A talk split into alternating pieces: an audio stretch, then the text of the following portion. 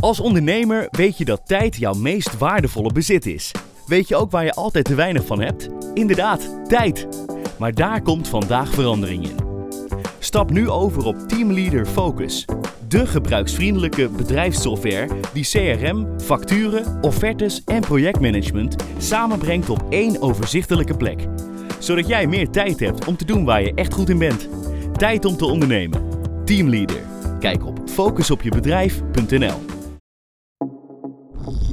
Stroom. Stel, je bent uit elkaar gegaan met je ex. Je hoeft diegene dus nooit meer te zien. Het is klaar. Maar dan duikt deze persoon ineens overal op waar je ook gratis staat. In de sportschool, bij vrienden, als je boodschappen doet. Overal waar jij bent, daar is die ander ook. Dit kan bijna geen toeval meer zijn. Je onderbuikgevoel klopt. En de oorzaak? Een heel klein apparaatje van een centimeter of tien. Steeds meer stalkers gebruiken speciale trackers om hun slachtoffers overal te volgen. Ik ben Daniel Verlaan en als techjournalist onderzoek ik het internet. In deze podcast hoor je waargebeurde verhalen die zich online en vaak recht onder je neus afspelen, maar toch onzichtbaar zijn. Veel verhalen zijn nog niet verteld. En daarom is het tijd voor Ik Weet Je Wachtwoord seizoen 3. Je luistert naar de eerste aflevering, het gevaar van GPS-stalkers. my phone made a ding that I had never heard before. This lady thinks that someone has been tracking her by putting an Apple AirTag on her car. Zelfs in de auto is ze nu niet meer veilig. Dit is die bewuste trekker die ze hebben gevonden onder de auto van Jacqueline. It is definitely happening. But many people that we've spoken to say that when they tell the police, they don't know what to do. Trackers bestaan in vele vormen en maten. De bekendste is de AirTag van Apple of de SmartTag van Samsung. Superhandige gadgets voor als je snel dingen kwijtraakt. Je kunt ze aan je sleutels hangen, onder het zadel van je fiets plaatsen of er een in je koffer doen. Uh, als ik op vakantie ga, zet ik het in mijn koffer. We hebben die om onze hond hangen en als we haar dan kwijt zijn, kunnen we haar via onze telefoon vinden. Op mijn fietssleutels. Want ik heb mijn autosleutel ook aan mijn sleutels en mijn portemonnee heb ik altijd in mijn kontzak. Dus ik heb echt alleen mijn sleutelbos soms nodig. Heb ik aan mijn sleutelbos zitten. Het saved mijn leven. Ik heb hem voor in mijn koffer voor op Schiphol en uh, als het fout gaat. Je hoort het al, trackers zijn populair en nuttig. Zo ken ik iemand wiens tas vol cameraspullen is gejat in Amerika. Maar dankzij de AirTag die hij in die tas had verstopt, kon de politie de spullen binnen no time terugvinden en de daders oppakken. Trackers bestaan al langer, maar in 2021 bracht Apple een eigen variant uit. This is AirTag. AirTag uses the Find My network so iPhone can help you keep track of and find your things. In de eerste anderhalf jaar na de lancering verkocht Apple al meer dan 50 miljoen AirTags. Je koopt er al één voor drie tientjes. Deze trackers werken via het Bluetooth-signaal van je telefoon. En diezelfde technologie vind je ook steeds vaker terug in bijvoorbeeld e-bikes en dure rugzakken. Naast deze Bluetooth-trackers heb je ook GPS-trackers. Die zijn nog goedkoper en kun je al voor minder dan een tientje bestellen. GPS-trackers werken iets anders, namelijk via een netwerk van satellieten. Het doel van deze kleine apparaatjes is hetzelfde: het volgen van iets dat je niet kwijt wil raken, of dat nou je sleutelbos of je auto is. Maar in de verkeerde handen zijn GPS-trackers en AirTags zonder overdrijven echt levensgevaarlijk. Stalkers gebruiken namelijk steeds vaker trackers om hun slachtoffers non-stop te kunnen traceren. Ik heb hier samen met mijn team onderzoek naar gedaan. Alleen al in de afgelopen drie jaar zijn er in Nederland 59 zaken bekend waarin stalkers trackers gebruiken om hun slachtoffers te volgen. En dat aantal neemt snel toe. Meer dan de helft van die 59 zaken vond dit jaar plaats. En de daders komen uit heel Nederland, van Maastricht tot Purmerend. Sommigen zijn hartstikke jong, pas 17 jaar, terwijl anderen juist ver in de 50 zijn. En het overgrote deel is, zoals je misschien wel verwacht, man. Dit is natuurlijk slechts het topje van de ijsberg. We vonden alleen al met een rondje googelen nog 20 zaken die niet voor de rechter zijn gekomen. Slachtoffers durven in het geval van stalking vaak geen aangifte te doen bij de politie. En toen kreeg ik video's. Video's tijdens ja, onze nachten samen, waarvan ik dus niks afwist. Dat hoorde je ook in de aflevering van vorig seizoen over gehackt worden door je ex. Je bent zo ontzettend bang en je schaamt je zo ontzettend erg dat je daar niet onderuit durft te komen eigenlijk. Het gebruik van zo'n tracker was de afgelopen jaren vaak onderdeel van een grotere rechtszaak. Dan stonden verdachten ook terecht voor bijvoorbeeld moord of ontvoering. Maar de laatste tijd zien we steeds meer zaken waarin het puur en alleen draait om stalking via een tracker. De juridische term is officieel belaging. Deze getallen staan voor echte mensen, zoals jij en ik. Zoals Lisa bijvoorbeeld. Ze is in de twintig en heeft een lange tijd een relatie gehad met een man die in alle opzichten de controle over haar wilde hebben. Het is geen fijne, gezonde relatie en Lisa wordt zowel psychologisch als fysiek door hem mishandeld. Wanneer ze na jaren eindelijk durft te breken met deze man en een punt zet achter de relatie, verandert de situatie van kwaad naar erger. Hij wist waar ik heen ging, wat ik deed, terwijl ik dat hem niet had verteld. Hij was er altijd waar ik was eigenlijk. Toen kwam ik er uh, snel achter dat ik werd achtervolgd. Een vriendin van Lisa stelt voor dat ze een paar dagen bij haar intrekt, zodat ze in ieder geval veilig is. De ex van Lisa weet namelijk niet waar deze vriendin woont. Ze pakt haar spullen en vertelt niemand waar ze naartoe gaat. Nou ja, in die tijd had ik weer besloten om uit elkaar te gaan. Hij stalkte mij weer, hij kwam voor de deur en mijn vriendin zei: Kom bij mij logeren een paar dagen, dan heb je rust. Maar die nacht, wanneer Lisa al lang naar bed is gegaan, schrikt ze ineens wakker.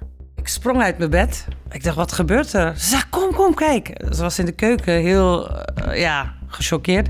Keek ze naar buiten. Dus wij keken heel stiekem naar buiten. Hij liep gewoon met de telefoon rond te kijken in de tuin. En uh, ja, zij was dus heel erg geschrokken. Ja, ik ook natuurlijk. De ex van Lisa heeft haar nieuwe locatie meteen gevonden. Hij loopt midden in de nacht gewoon door de tuin. Lisa begrijpt er helemaal niets van. Ze houdt zich stil, samen met haar vriendin. En niet veel later gaat haar ex gelukkig weg. De vriendin waar Lisa logeert gaat de volgende ochtend voor een afspraak de deur uit.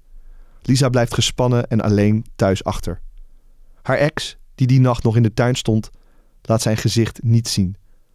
Maar haar vriendin ziet hem die dag nog wel, op de plek waar ze haar afspraak heeft. Lisa heeft er een slecht gevoel bij en besluit om ergens anders onderdak te zoeken. Maar dan. De vriendin bij wie ze verbleef belt op, helemaal in shock. Toen heeft zij mij weer chockerend gebeld en ze zegt: uh, ik, ben, ik, was net bij de garage. Ze zegt niet te geloven, zij heeft gewoon een GPS onder mijn auto gezet. Lisa's ex had een GPS-tracker onder de auto van haar vriendin geplaatst en wist zo precies waar Lisa verbleef. En dit was ook niet de eerste of tweede keer dat Lisa door haar ex ongewenst werd gevolgd met een GPS-tracker. Dat onveilige gevoel dat je altijd twijfelt of iemand je achtervolgt of om de hoek staat te wachten, dat heeft ze tot op de dag van vandaag. Lisa is by far niet het enige slachtoffer van stalking via een tracker. Door de opkomst van GPS-trackers en recenter ook die Bluetooth-trackers is deze gemakkelijke en goedkope vorm van stalking een groeiende vorm van criminaliteit. Maar is het juridisch ook strafbaar? Judith van Schoonderwoerd den Bezemer Wolters is officier van justitie en houdt zich op landelijk niveau bezig met online stalking. Het gaat soms over het volgen van een buurvrouw of een, uh, iemand uit de werkkring. En dat is dan niet eh, huiselijk geweld, hè, zo gezegd. Maar ook wel uh, met exen waarin uh, trekkers onder auto's geplaatst worden. Of anderszins om te kijken wat, wat de ex aan het doen is. Dus ik zie ze in allebei die sferen eigenlijk wel voorkomen. Zaken zoals die van Lisa, waarin slachtoffers ongewenst worden gevolgd via trekkers, behandelt de officier regelmatig. Dat kan wel best wel verschillen hoeveel uh, straf je daarvoor krijgt. Het kan van taakstraf tot gevangenisstraf en uh, soms zelfs TBS leiden in sommige gevallen. In de zaak van Lisa heeft haar ex een contactverbod gekregen. Ze heeft ook aangifte gedaan en die zaak loopt nu. En het is een ingewikkeld artikel om aan alle elementen te voldoen. Tegelijkertijd um, zie ik ook wel dat we uh, veel zaken voor de rechter brengen, gelukkig. Slachtoffers kunnen zich melden bij verschillende organisaties, zoals Veilig Thuis of SafetyNet, een stichting die zich inzet om slachtoffers van huiselijk geweld online te beschermen. Surab Yildirim is daar hulpverlener en werkt dagelijks met mensen die zich nergens veilig voelen. Ja, locatie volgen zien we steeds meer. En dan is het niet altijd door middel van een AirTag of een GPS, maar het kan dus ook via je apparaat als, als de locatie gedeeld is met belager. Dus we zien verschillende vormen ervan. En het meest zien we GPS onder de auto, GPS met een simkaart. Er zijn heel veel verhalen zoals die van Lisa, die tot op de dag van vandaag achterom kijkt. Het zijn verhalen die je niet meer loslaten als je ze hoort. En één daarvan is me altijd bijgebleven. Bij SafetyNet meldde zich een tijd geleden een vrouw met twee jonge kinderen die weg wilde bij haar man vanwege de gewelddadige en onveilige relatie. Ze wordt opgevangen in een blijf van mijn lijfhuis in de veronderstelling dat ze daar eindelijk veilig is. Niets blijkt minder waar. Ze verhuist naar andere opvanglocaties, maar telkens staat de man weer op de stoep. Ze is echt ten einde raad. Maar wanneer een medewerker van SafetyNet alle spullen van de vrouw en haar twee kinderen checkt, wordt duidelijk hoe de man telkens achterhaalt waar ze zich bevinden. Toen was er een cliënt die moest dus twee keer met haar kinderen verkassen omdat ze elke keer gevonden werd. En wij wisten maar niet hoe. En op een gegeven moment zijn we toch die spullen van haar, zijn de collega's door gaan zoeken. En er was een teddybeer die cadeau was gegeven aan de kinderen. En toen ze die teddybeer hebben gepakt, hoorden ze gekrinkel. En toen dachten ze, dat klopt niet. En dan hebben ze de teddybeer gevoeld en iets hards gevoeld. En, en ze hebben hem opengemaakt, een, een GPS. Die teddybeer die heeft ervoor gezorgd dat die vrouw elke keer moest vluchten met die kinderen. Twee keer aan toe. Er zijn ook geen foefjes om, om GPS met een simkaart te ontdekken. Tenzij je een auto naar garage brengt, bijvoorbeeld. De producenten van Bluetooth-trackers, zoals de AirTag en SmartTag, zijn zich inmiddels bewust van de gevaren van deze apparaatjes voor mogelijke slachtoffers van stalking. Ze hebben daarom bepaalde app-functies ontwikkeld. Je krijgt een melding als een tracker die niet van jou is, langere tijd bij in de buurt wordt gesignaleerd. Bij AirTags hoor je dan bijvoorbeeld dit geluid als je een melding krijgt. Ook als je een Android-apparaat hebt, krijg je tegenwoordig een melding als er een AirTag met je meereist. Maar van een heleboel andere apparaten, die misschien in je jas of je tas zitten, merk je helemaal niets. En dat is frustrerend, vindt ook Rutger van Haastert van onze partner KPN.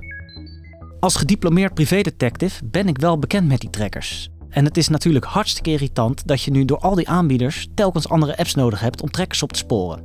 Je moet dus nu als consument heel erg opletten, maar ik vind juist dat Apple en Google hier een verantwoordelijkheid in moeten en kunnen pakken. Gelukkig vinden ze dat zelf ook en dus gaan Google en Apple samenwerken. De waarschuwing komt dan rechtstreeks van je besturingssysteem en je hebt geen aparte app meer nodig. Deze update is nog in de maak. De lancering ervan is onduidelijk, maar komt er binnenkort aan. Al weet je dan nooit wanneer die exact gaat komen. Wil je weten wanneer je nou wel of niet beschermd bent en hoe dat straks voor jou gaat veranderen? Ik heb dat voor jou op een rijtje gezet en dat vind je op onze website. En die staat in de show notes.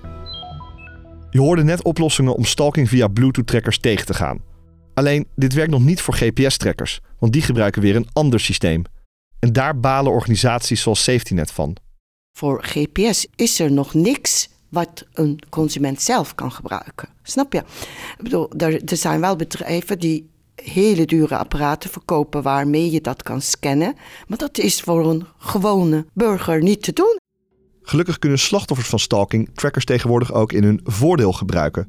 Zij kunnen namelijk een draagbaar alarmsysteem krijgen dat ze 24/7 bij zich moeten dragen. Dat heet een aware kastje en is eigenlijk een soort hele grote knop. Lisa heeft dit apparaatje inmiddels ook. Uh, het is zo'n klein kastje, rond. En het is een knop, SOS-knop kan je het noemen. Het is in werking met de politie. Als een slachtoffer die knop indrukt, gaat er direct een signaal naar de meldkamer en begint er een geluidsopname. De politie komt dan zo snel mogelijk aan om het slachtoffer te beschermen tegen de stalker. Als je erop uh, drukt, drie seconden lang, blijft drukken, dan uh, krijgen ze zo'n trilling. En dan krijgt de meldkamer melding. En dan kunnen ze traceren waar ik ben. Ze heeft dit aware-kastje ook al eens gebruikt. Toen haar ex haar achtervolgde en probeerde klem te rijden. Zelf verstijfde ze, maar een vriendin drukte gelukkig de knop in. Niet ik, ik want ik was bevroren. Ik was erg, erg bang. Mijn vriendin heeft, uh, had gedrukt. Zij zat naast mij. En ze waren echt uh, binnen twee à drie minuten. Een paar bussen, auto's. Ja, dat was uh, heel heftig, ja. De politie was dankzij dit apparaatje razendsnel ter plekke om Lisa te beschermen.